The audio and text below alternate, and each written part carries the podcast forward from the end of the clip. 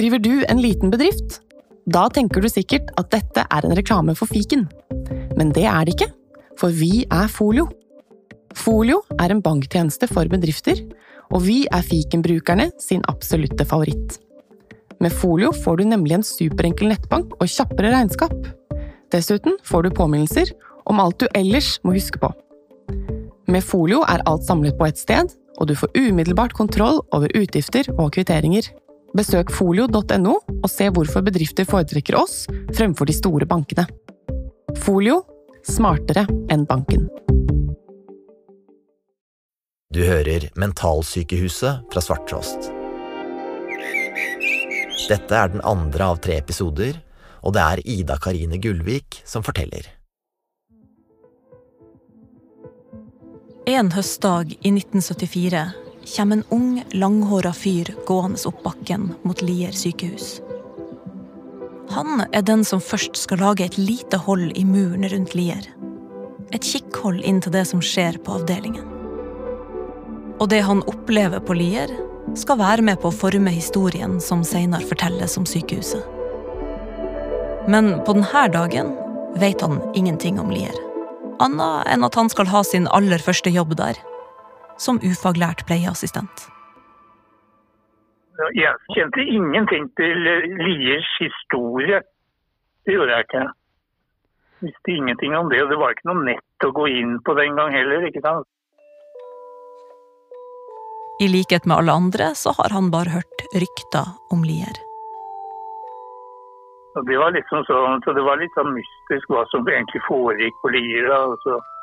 Så, så, det var det liksom sånn som ikke ble snakka om. Det var litt tabu, det. Og det er det jo fremdeles. Den unge mannen med slengebukse i kordfløyel og uflidd brunt hår er Ingvar Ambjørnsen. I dag er han en prisbelønt forfatter, bosatt i Hamburg med ei lang karriere bak seg. Men på dette tidspunktet, midt på 70-tallet, så skal han ta fatt på sin aller første dag på 23-salen, en del av avdeling C-mann på Lier sykehus. Og det er på denne salen noen av skrekkhistorien som seinere skal hefte ved Lier, oppstår. Og Ambjørnsen kastes rett ut i det. Det var ikke noe sånn forkurs eller noe sånn innføring i hvordan ting og tang fungerte. Altså, det var bare å skrå over eh, veien, og så får du ei hvit jakke, og så er det rett inn på salen. altså. Det han møtte, var ei virkelighet som var helt fremmed for en 18-åring fra Larvik. Og det er jo Det er et jævlig sjokk, altså. Det- Man kan jo liksom forestille seg eh, stanken og som eh, og det man var uforberedt på, det var den fryktelige støyen. Fryktelig bråk. Med skriking og skråling. Det var jo 20 mann som var sperra inne da, på, en, på ett stort rom. Seinere skal Ambjørnsen beskrive 23-salen som et fjøs for mennesker. Det lukter dritt, ikke sant? For det er folk som driter overalt, ikke sant? Og pisser overalt. Alt var gammelt, nedslitt, møkkete, ikke sant? Altså. Det var et sted hvor du ja, Du skulle tro du befant deg et eller annet sted på 1700-tallet. Altså. Og ikke på 70-tallet. Pasientene på 23-salen hadde i mange tilfeller vært på Lier i flere tiår. Noen hadde levd hele livet sitt på sykehuset.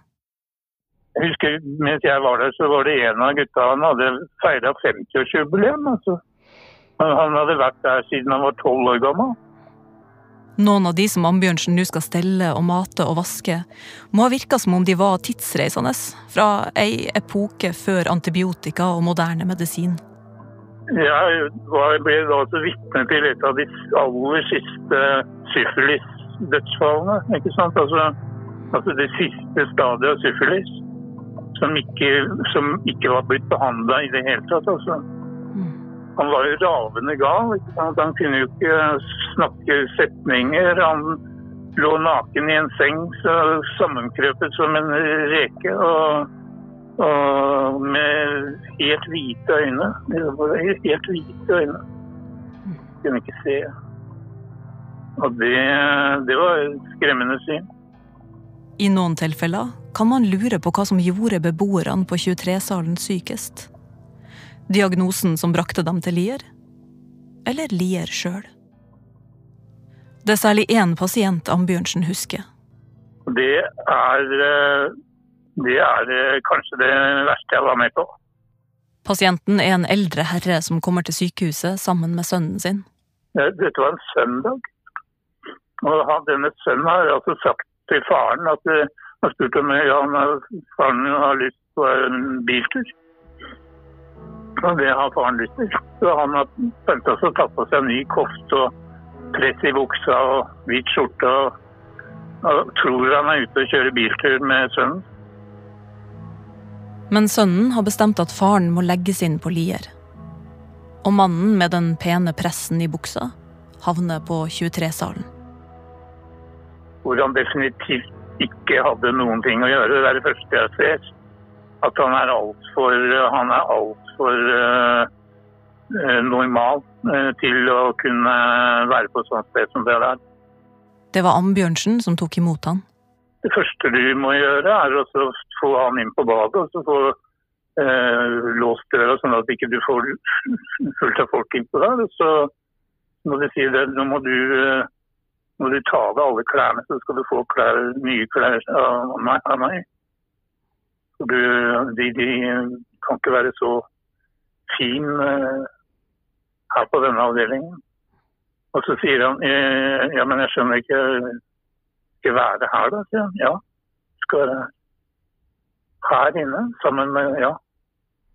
Det er beklager, men det, det er sånn det er. Og så når du da beslaglegger klærne hans, så som er liksom hans finpynt. Altså, og så har det som du har å gi som erstatning, og det er sånne bukser som ender midt på leggen, og skjorter uten, uten knapper. og? Så det, Da ser du i hvert fall ut som en gærning. Som en gærning ikke sant? Hva tror du det er med nettopp denne mannen som har liksom bitt seg fast hos deg? Det var jo forferdelig. ikke sant? Det han tror han er på biltur med sin sønn, som da ikke nevner med ett ord at han skal kjøre faren sin inn på en lukket avdeling som han da ikke er meningen at han skal forlate i livet. Altså, hallo. Eh, jeg blir i hvert fall berørt av en sånn fortelling. Mannen som Ambjørnsen mente var for normal til 23-salen, blir etter hvert flytta til ei anna avdeling. Men da hadde det allerede gått tre uker. Jeg kan forsøke å forestille deg at du er innesperra på et rom hvor alle de andre er ravende sinnssyke. De skriker og roper dag og natt. De kaster pisseflasker. De kaster dritt. De, ikke sant? Altså, det er kontinuerlig helvete. Ikke sant? Og det er ingen sted å skjule deg eller komme unna eller gjemme deg på noe som helst slags måte. Du har dette sirkuset gående rundt dag og natt. Det blir du rimelig sliten av. På 23-salen så tar det ikke mer enn tre uker å ødelegge et menneske. Så, men han kom seg videre, men han med en voldsom knekk, altså. Det kan jeg huske. Det som kanskje sitter sterkest igjen fra Ambjørnsen sine historier fra 23-salen, er hvor lite et menneske blir verd inne på denne avdelinga på sykehuset. På denne salen har Lier blitt det stikk motsatte av det sykehuset skulle være. Folk skulle bli friske her. Men på 23-salen gis det ingen behandling. Pasientene får medisiner for å holde dem rolig. Det var jo doser som egentlig ville tatt livet av en hest. Altså, det gikk jo som sånne zombier. Men samtidig så hadde du også det der jævlig lydnivået, da. Gud vet hvordan det hadde vært hvis det ikke hadde vært neddopa. Jeg vet ikke. Flere av pasientene bindes også fast med magebelter og fotbelter i sengene. Ofte i lange strekk av gangen. Det ble vi veldig fort vant til å låse folk i, i de her fotreimene. Hvordan kjennes det i ettertid å tenke på? Ja, det var ikke akkurat eh, ønskesituasjon for en ung anarkist, for å si det sånn. De fleste av pleierne, sier Ambjørnsen, skjønte at de var med på noe som var ganske langt ute. Noe som ikke var greit. Hva faen skal man gjøre, da? Altså, dette var folk som var de selvskada seg. ikke sant? Og det var jo derfor, derfor flere av dem lå i beltet. Det var ikke for å plage dem, for å være jævlig mot dem. Men, eh, men det var eh, for å sikre dem, for å ikke skulle skade seg. sånn. Pleierne på avdelinga er stort sett ufaglært. De er stort sett unge. Og for det meste er de alene. Av og til kommer legene innom på visitt, men ikke lenge av gangen. 23-salen er i praksis et venterom. Det var jo en sånn oppbevaring, et venterom for døden. da. En av oppgavene Ambjørnsen hadde som pleiemedhjelper, var å sitte i det såkalte morsrommet. Et rom der folk ble trilla inn når det nærma seg slutten, sånn at de kunne få lov til å dø i fred og ro, i stedet for i bråket ute på avdelinga. Sitter du der og ved senga til en fyr som du aldri har møtt før, og som eh, Og du er den siste han skal se og høre. Og fordi familien hans kommer ikke. Det var få som fikk besøk fra familien. De var liksom avskåret fra De, var liksom bare Ble ikke regna som noe lenger. Hva tror du det gjorde med deg å liksom oppleve disse tingene i så ung alder? Akkurat det der med å jobbe med de døde sånn, det, det gjorde ikke meg noe. Det syns ikke jeg var det synes ikke jeg var noe spesielt tungt. Eh, Jeg holdt på å si tvert imot, fordi det var eh, det var jo liksom det, det var den eneste veien ut derfra. Mm. Det var, eh, det var ikke noen andre muligheter for å komme bort derifra. Eh, Så det, det var gjennom døden. Til slutt begynner 23-salen og Lier å virke på Ambjørnsen også. Ja, altså når du kommer fra en sånn noenlunde normal eh, familiesituasjon og, og, og komme, på, komme, på jobb eh, på, eh, på Lier på 23-salen om morgenen, og så, så skal du stelle en av pasientene, så finner du ut at han allerede har spist frokost og har spist sin egen bæsj. så skal du stå og ordne opp i disse greiene der, og så skal du 20 minutter etterpå så er det matpausen din, og da går du ned i kantina og spiser eh, speilegg, ikke sant. Eller du vasker lik og går og spiser middag, det er, ikke sant. Det er ting de færreste 18-åringer har vært eh, vant til hjemmefra, for å si det sånn. Året etter, i 1975, henger han fra seg den hvite pleierfrakken og slutter. Men opplevelsene fra Lier gir ikke slipp på han. Noen år seinere, mens Ambjørnsen er en ung, upublisert poet, så foreslår et forlag at han skal gjøre noe med de her historiene han har fra tida på Lier. Ærlig talt, du sitter på en historie som veldig få andre gjør, og du kan, du kan jo skrive.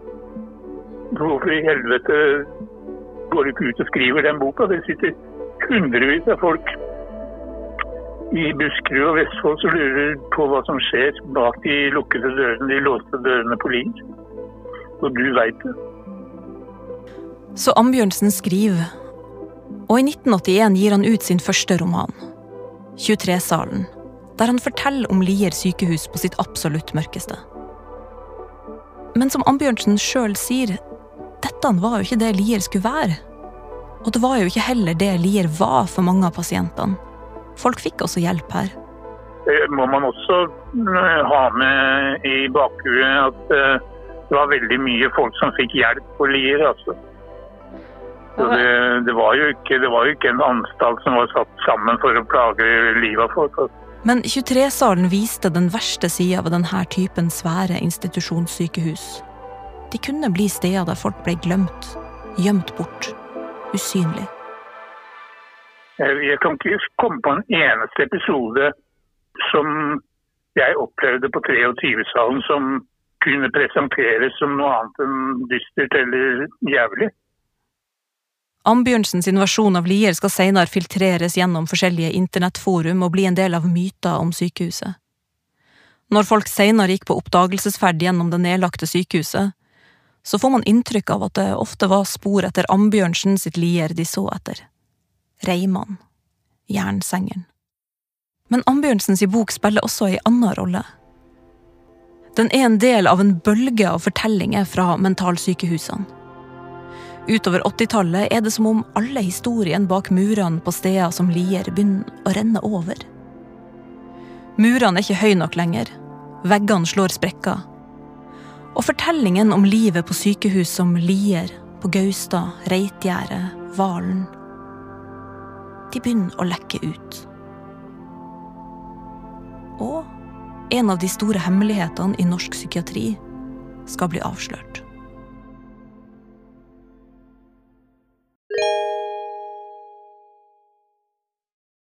Det skal være enkelt å velge sunt. Derfor fortsetter vi med tilbudsuker på frukt og grønt i hele februar.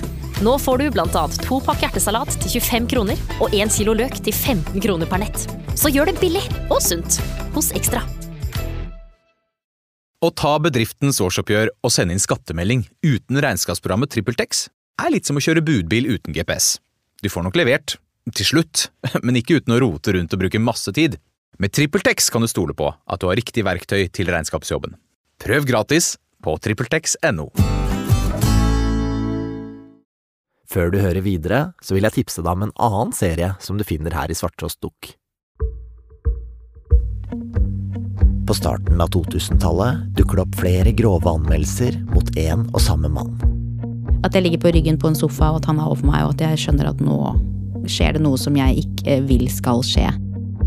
Mannen er en kjent stripper og flammesluker, og etter hvert også danser på TV. Men da spotlighten slås av, gjør han forferdelige ting. Dytter meg videre inn på guttedoen, og jeg sier nei. Men selv om anmeldelsene renner inn, så blir sak etter sak henlagt av politiet. Jeg hadde en sånn følelse at de trodde jeg fortalte eventyr. Og jeg sto der, og jeg husker jeg nesten unnskyldte meg selv for at jeg besvimte. Hvordan er det mulig å gjøre systematiske overgrep i 13 år uten å bli stoppa? Og han sier hvis ikke du holder kjeft, så skal jeg drepe deg. Hør serieovergriperen Julio Kopseng i Svarttrost Dukk. Nå tilbake til episoden. Etter at jeg har lagt på med Ambjørnsen i Hamburg, så diskuterer jeg og kollegaen min Synva veien videre. Hvor går vi herfra? Ok, eh, Det jeg merker at jeg lurer på nå, er etter at Ambjørnsen sin 23-salen kommer ut, liksom får det, noe, får det liksom noen konsekvenser for Lier? Både ja og nei, for det blir jo en del oppmerksomhet rundt boka og avisoppslag, og det her er jo starten på Ambjørnsens karriere. Men eh, for Lier sånn konkret, for sykehuset, så har jeg ikke inntrykk av at det har noen store konsekvenser. Det skjer ikke store endringer. Det blir ikke noe oppgjør liksom, pga. Mm. denne boka. Eh, men utover 80-tallet så kommer det flere og flere sånne historier fra mentalsykehus. Fra Valen, Reitgjerdet, Gaustad. Uh, og på slutten av 80-tallet så begynner det virkelig liksom, å eksplodere. Da begynner det å komme masse spørsmål. Men det handler egentlig ikke om Ambjørnsen og boka hans. Det mm. er en annen fyr som driver liksom eh, som fører til at man begynner å stille masse spørsmål.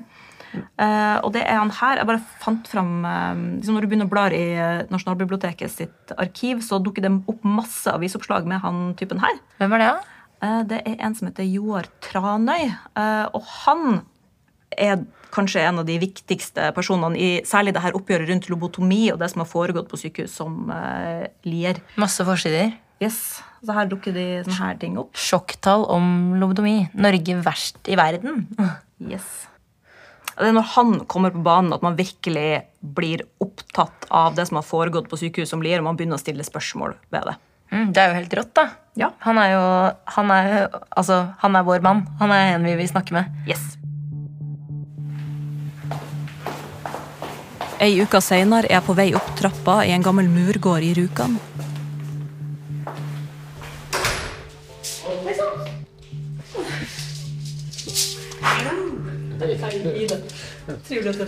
Joar Tranøy bor i ei leilighet full av papirer og bøker. Hvis du hører tassing i bakgrunnen av opptaket, så skyldes det Joar sin lodne samboer. Har du et navn? Hæ? Luca? Lykka? My name is Luca. Joar var kriminologistudent på midten av 80-tallet og hadde praksisen sin på Gaustad sykehus. Det første og største av de norske mentalsykehusene. Og mens han er der, så bestemmer han seg for å skrive doktorgradsoppgaven sin om lobotomi. Gaustad var det sykehuset som først starta med denne typen operasjoner, og her har de også et arkiv med journalene til lobotomerte pasienter. I journalene står historien til disse menneskene, hvorfor de kom til sykehuset, og hvordan de ble behandla der. Men Joar nøyer seg ikke bare med å lese journalene. Ja, Jeg kan jo si det nå, at jeg lurte meg til å kopiere en del journaler, da. Ja, og det Ja, det kan eh, sikkert eh, sies mye om det, både godt og dårlig, da, men det Ja, det var akkurat det der med de, de tekstene i, i journalene der, det var uhyrlige greier. Journaler er konfidensielle papirer. Ingen andre enn legen din og deg skal egentlig ha tilgang til dem. De skal ikke deles med andre. Men Joar blir så sjokkert av det som står i disse tekstene, at han altså tar kopier av dem. Ja, nå har jeg til hulter til bulter, men jeg har jo Kan jeg, kan jeg få se? Ja, det kan du. Han har fortsatt flere av dokumentene han tok fra Gaustad i en kasse hjemme i leiligheta. Der har du en stabel med. Joar viser meg en boks som nesten renner over av gamle skrivemaskinskrevne dokumenter. Er bortimot 200. Her er beskrivelse av operasjoner. Han våknet gjentagende ganger og vanskeliggjorde operasjonen ved uro. Historie om liv som ofte endte på sykehuset. Flere av journalene inneholder også brev som ble konfiskert av sykehuset. Ærede direktør, tør jeg spørre om jeg kan utskrives som mentalt frisk fra Gaustad sykehus nå? I noen tilfeller brev pasientene skrev hjem, men som aldri nådde fram til familiene deres. Brev der de ber om hjelp. Brev fra en datter til mora hennes. Ja. Hjertelig takk for pakka og hilsen. Det var veldig kjekt å få pakken, men brevet var det så måtelig med, for jeg er ikke glad. Her er ikke bra for meg. Hun som skriver dette brevet, blir kalt Torunn i Joars bok I sin sykehusets vold. Her er deler av den anonymiserte journalen hennes gjengitt. Hun var i starten av 20-årene da hun ble innlagt. Familien hennes sender henne til Gaustad fordi hun er irritabel og har vaskemani. Og hun har brutt med forloveden sin. Hun syns samleie er vemmelig, sier hun. Hun føler seg urein.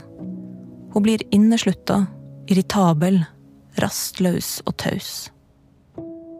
I journalen hennes blir det notert at Torunn har opplevd to tilfeller av det de kaller seksuelle traumer i fem-seksårsalderen.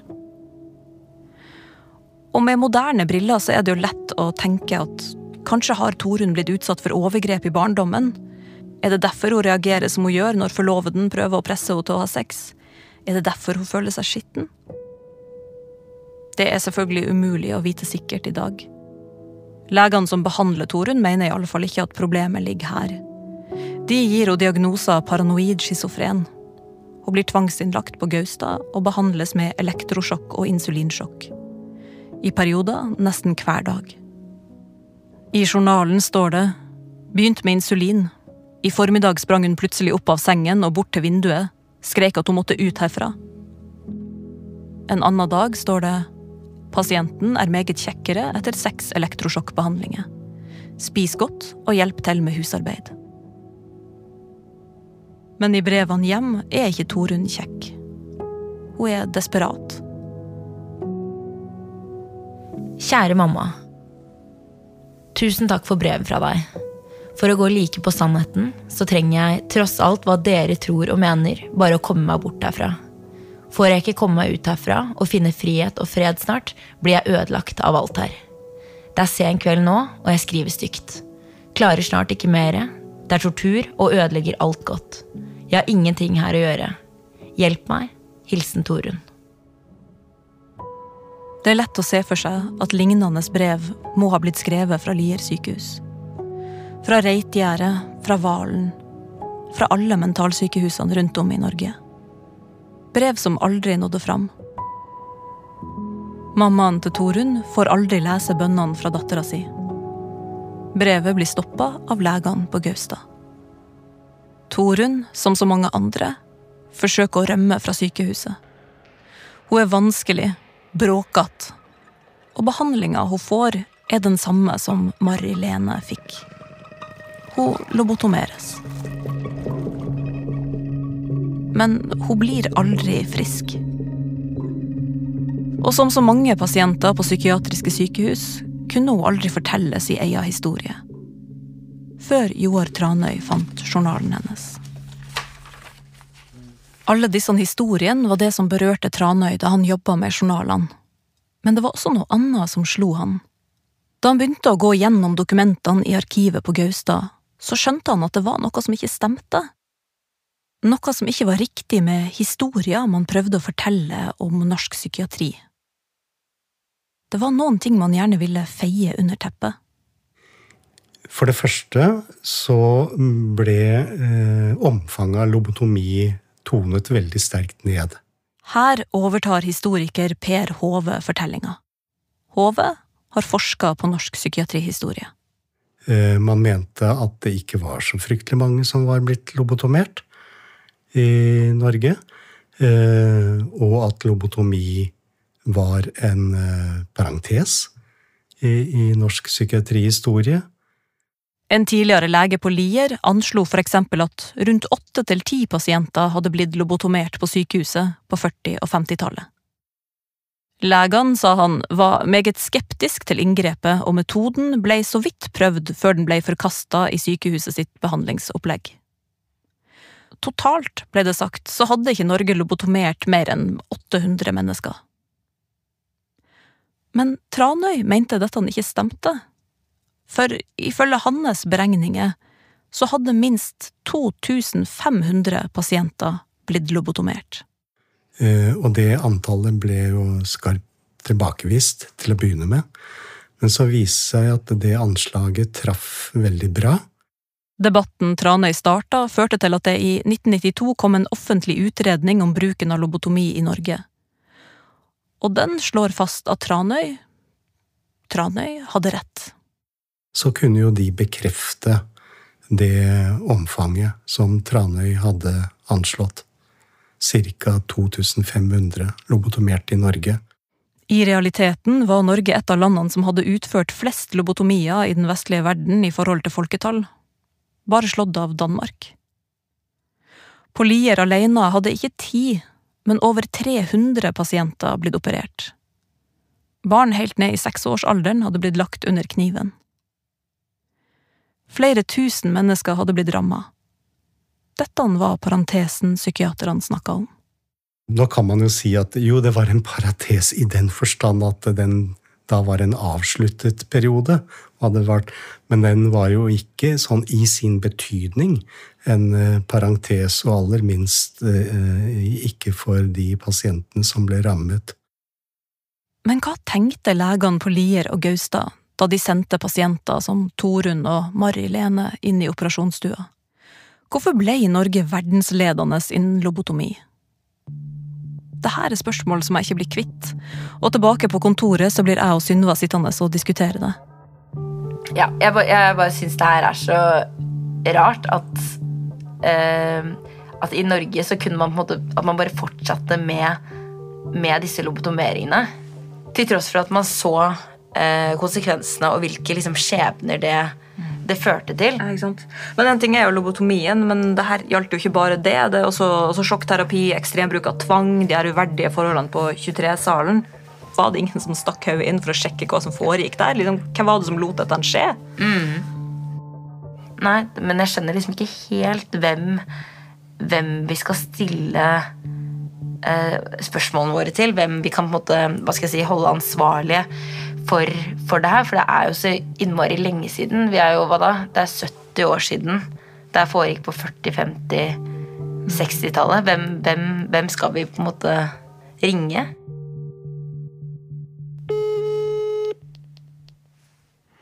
Hver gang noe grusomt skjer, så er det ett spørsmål man stiller igjen og igjen. Hvorfor? Hei, Marianne. Hei. Du, vi eh, jobber med et prosjekt om Lier sykehus. Og så lurer vi på hvem som var ansvarlig for sykehus på 80-tallet, og hvem vi eventuelt bør eh, snakke med for å få litt mer informasjon om det her. Hvorfor kunne dette skje? Hva er forklaringa? Oi. Eh, ja, det skal vi selvfølgelig eh, hjelpe Men hva du mener med ansvarlig? Hvordan kan jeg forstå denne historien? Altså, Det har sikkert vært tilsyn der, og da er i så fall Helsetilsynet eh, som en kan eventuelt be om innsyn.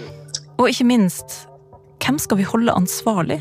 Det blir veldig vanskelig å finne kanskje ut av det, men, men det skal ikke jeg ta på forhånd. Altså, man må jo gjøre et forsøk. Hvem sin feil er det? Hvem kan vi peke på og si dette handler ikke om oss, det handler om han eller de? Men jeg tenker litt sånn at det var vel litt sånn tidsånden. På den tiden så gjorde man det sånn fordi man mente at det hadde en effekt. Men hvem skal man skylde på her?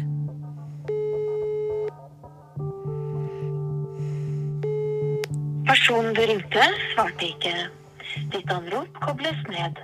I tilfelle Lier er det vanskelig å finne denne ene personen. Det svaret vi ofte får, er det var bare sånn det var. Eh, man tenker jo ofte i ettertid at eh, jo, dette var noe alle var enige om, og eh, man hadde på en måte ingen andre alternativer, og man gjorde det beste man kunne. Også kanskje fordi man ikke visste bedre. Men Per Hove mener denne tidsåndforklaringa er feil. Det var ikke bare sånn det var. Mange var kritiske til bruken av lobotomi og til sjokkterapiene, også den gang. Det fantes leger som nekta å bruke lobotomi. Men, sier han, det fins noen forklaringer på hvorfor noen leger, for eksempel på Lier, var så entusiastisk til lobotomi, og hvorfor mentalsykehusene kunne bli så brutale steder. Og den første av disse forklaringene, den handler om håp. Håp om at man endelig hadde funnet noe som funka, noe som kunne gjøre de sykeste pasientene friske. Man mente også å kunne se gode resultater, eh, og hadde vel en sterk tro på at, eh, at metoden ville bli utviklet på en måte som gjorde at dødeligheten ville synke. Lobotomi, tenkte man, var jo en mulighet til å hjelpe folk å få et bedre liv. Ottar Linjære, overlege på Lier sykehus, forsvarte bruken av lobotomi i en artikkel fra 1959, da metoden begynte å bli kritisert. Han skriver På Lier-asylet fantes det hundrevis av pasienter som hadde vært behandla her i årtier, hvis sykdom hadde trossa enhver terapi. Skulle vi fortsatt se tida an i håp om bedre behandlingsmetoder, eventuelt en fullstendig overraskende spontan bedring, eller skulle vi gi disse pasientene den sjansen som lå i lobotomi? Kunne det her overhodet være noen tvil? Samtidig, tallene i Tranøy sine undersøkelser viste at dødeligheten i forbindelse med lobotomi, i alle fall de første årene, hadde vært så høy som 30% Så avtok dødeligheten etter hvert, eh, men forsvant jo aldri. Det er vanskelig å se for seg at man i dag ville hatt tiltro til ei behandling som i perioder tok livet av nesten en tredjedel av pasientene. Ja, det som jo er litt som er interessant, er at når dødeligheten til å begynne med var så høy, så fortsatte man likevel. Man hadde en sterk tro, at, tro på at dette skulle bedre seg, men man så altså en fryktelig høy dødelighet. Men valgte å fortsette. Dette handla også om at legene hadde ei sterk tro på at vitenskapen skulle fikse dette. Det var her løsninga lå. Og så var dette med dødelighet heller ikke noe nytt. Legene hadde sett at det var flere pasienter som døde av andre behandlingsmetoder, som for eksempel sjokkbehandlingen. Så at det var også på mange måter en Om ikke akseptert, så var det en kjent del av det å drive psykiatrisk behandling på den tiden. Så da har du på den ene sida håpet om å finne en kur, og trua på vitenskapen, men lobotomientusiasmen ved norske sykehus sprang også ut av ei håpløshet og desperasjon. Og da må vi se på hva slags steder mentalsykehusene eller asylene var på denne tida. før man egentlig visste noe om hvordan man kunne hjelpe folk som var psykisk syke. Man hadde ingen medikamenter, lite personell, og det var for mange pasienter. Så det var et øh, ønske, og kanskje et sterkt behov, for å øh, gjøre hva man kunne for å skape større ro i avdelingene. Kanskje er 23-salen, sånn som Ingvar Ambjørnsen beskriver den i boka si, det nærmeste vi kan komme en idé av hvordan de gamle asylene kan ha vært på det verste. Der det er skrik og bråk, pisseflasker som går veggimellom, stadige rømningsforsøk. Metoder som elektrosjokk og lobotomi blir en måte å få kontroll på asylene. På urokråker og bråkmakere som Mari-Lene. Som en norsk lege sa i psykiater, sa i 1954 uh, Vi behandler dem, og så går det hele meget stillere og triveligere for seg. Så du har da håpet om en kur, og desperasjonen over forholdene på sykehusene.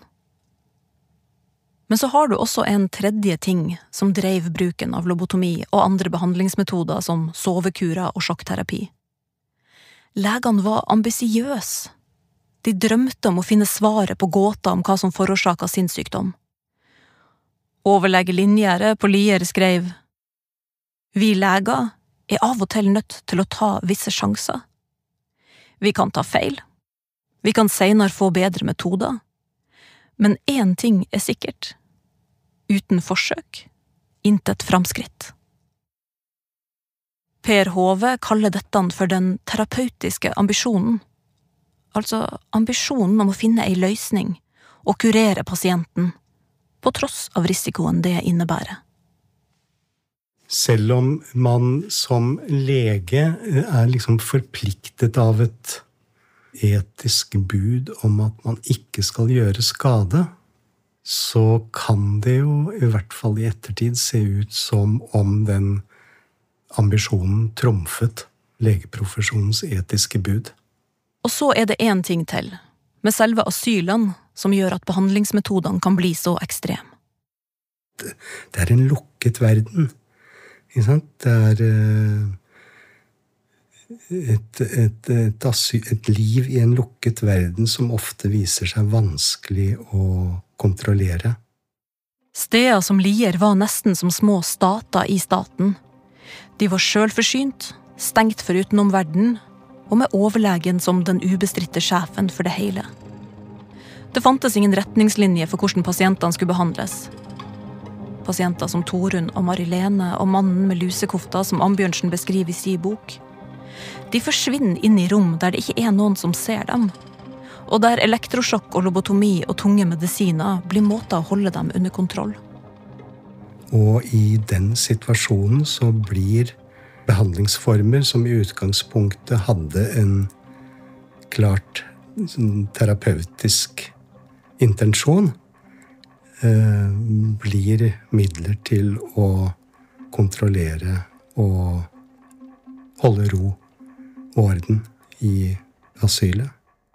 Så du har altså disse fire elementene. Håpet om å kunne hjelpe folk. Desperasjonen over forholdene på sinnssykehusene. Ambisjonen til legene om å finne en kur som fungerer. Og mangelen på innsyn. Det er dette som skal være med på å forme sykehus som Lier. Det er det som skal være med på å skape steder som 23-salen. Det er det som bestemmer skjebnen til 2500 mennesker til Torunn og til Mari-Lene. Alt dette kommer for dagen etter at Tranøy publiserer sitt arbeid fra Gaustad. Og det skal bidra til at steder som Lier må stenge døren. Og det skulle man kanskje tro var slutten. Men ennå gjenstår et stygt kapittel i historia om Lier sykehus. Så har man liksom en sånn opplevelse av at nå er jeg en type torturkammer. Så jeg er jo klar over at det er mye som foregikk på Lier som ikke er noe å rope hurra for. Rester av rapporter og journaler som ligger slengt utover gulvene der. Hva faen er det for slags oppførsel? altså? Og dette er noen som er ansvarlig for. At uverdighet avsluttes med uverdighet. Det her var andre del av Mentalsykehuset, laga av Ida Karine Gullvik og Synva Hjørnevik for Svarttrost.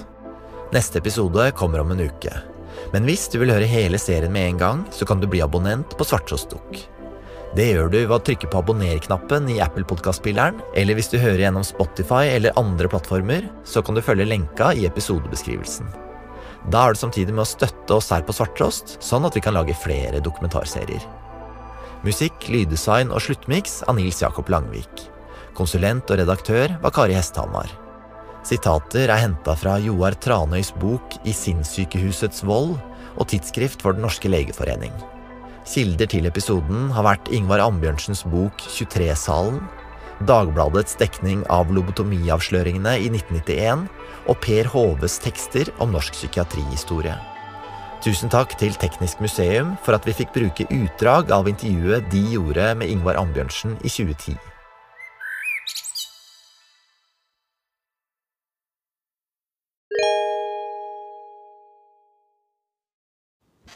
Ja, i mars er det jo søknadsfrist for videregående utdanning. eh, Og mamma og jeg lurer da på hva du vil studere. For det er jo så mange muligheter, og du kan jo bli hva du vil.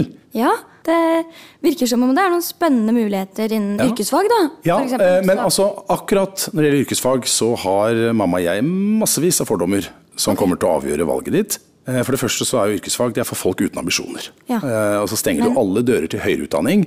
Og så har de ikke bøker engang. Mm. Eller klasserom, har jeg hørt. Så du velger allmennfag. Ja. Ja.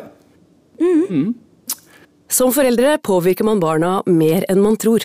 Bli oppdatert på alle de spennende studiemulighetene på yrkesfag.no.